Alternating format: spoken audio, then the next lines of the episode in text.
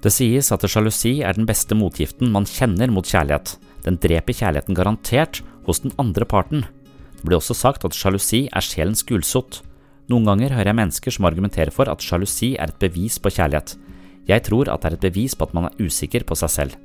Sjalusi er en destruktiv kraft som sniker seg inn i mange parforhold og forpester alt som befinner seg i samme orbit. I episode 165 på podkasten Sinnsyn snakker jeg om sjalusi, paranoia og stalking. Jeg er spesielt opptatt av eh, menneskers paranoide trekk, og hvordan det kan forstås i relasjon til våre psykiske forsvarsmekanismer, og da spesielt de mekanismene som er sentrert rundt projeksjon. Projeksjon betyr at de indre følelsesmessige konflikter plasseres utenfor. Hos den paranoide innebærer det at virkelighetsoppfattelsen forvrenges i samsvar med det indre psykiske ubehaget, og nettopp her er sjalusi et godt eksempel.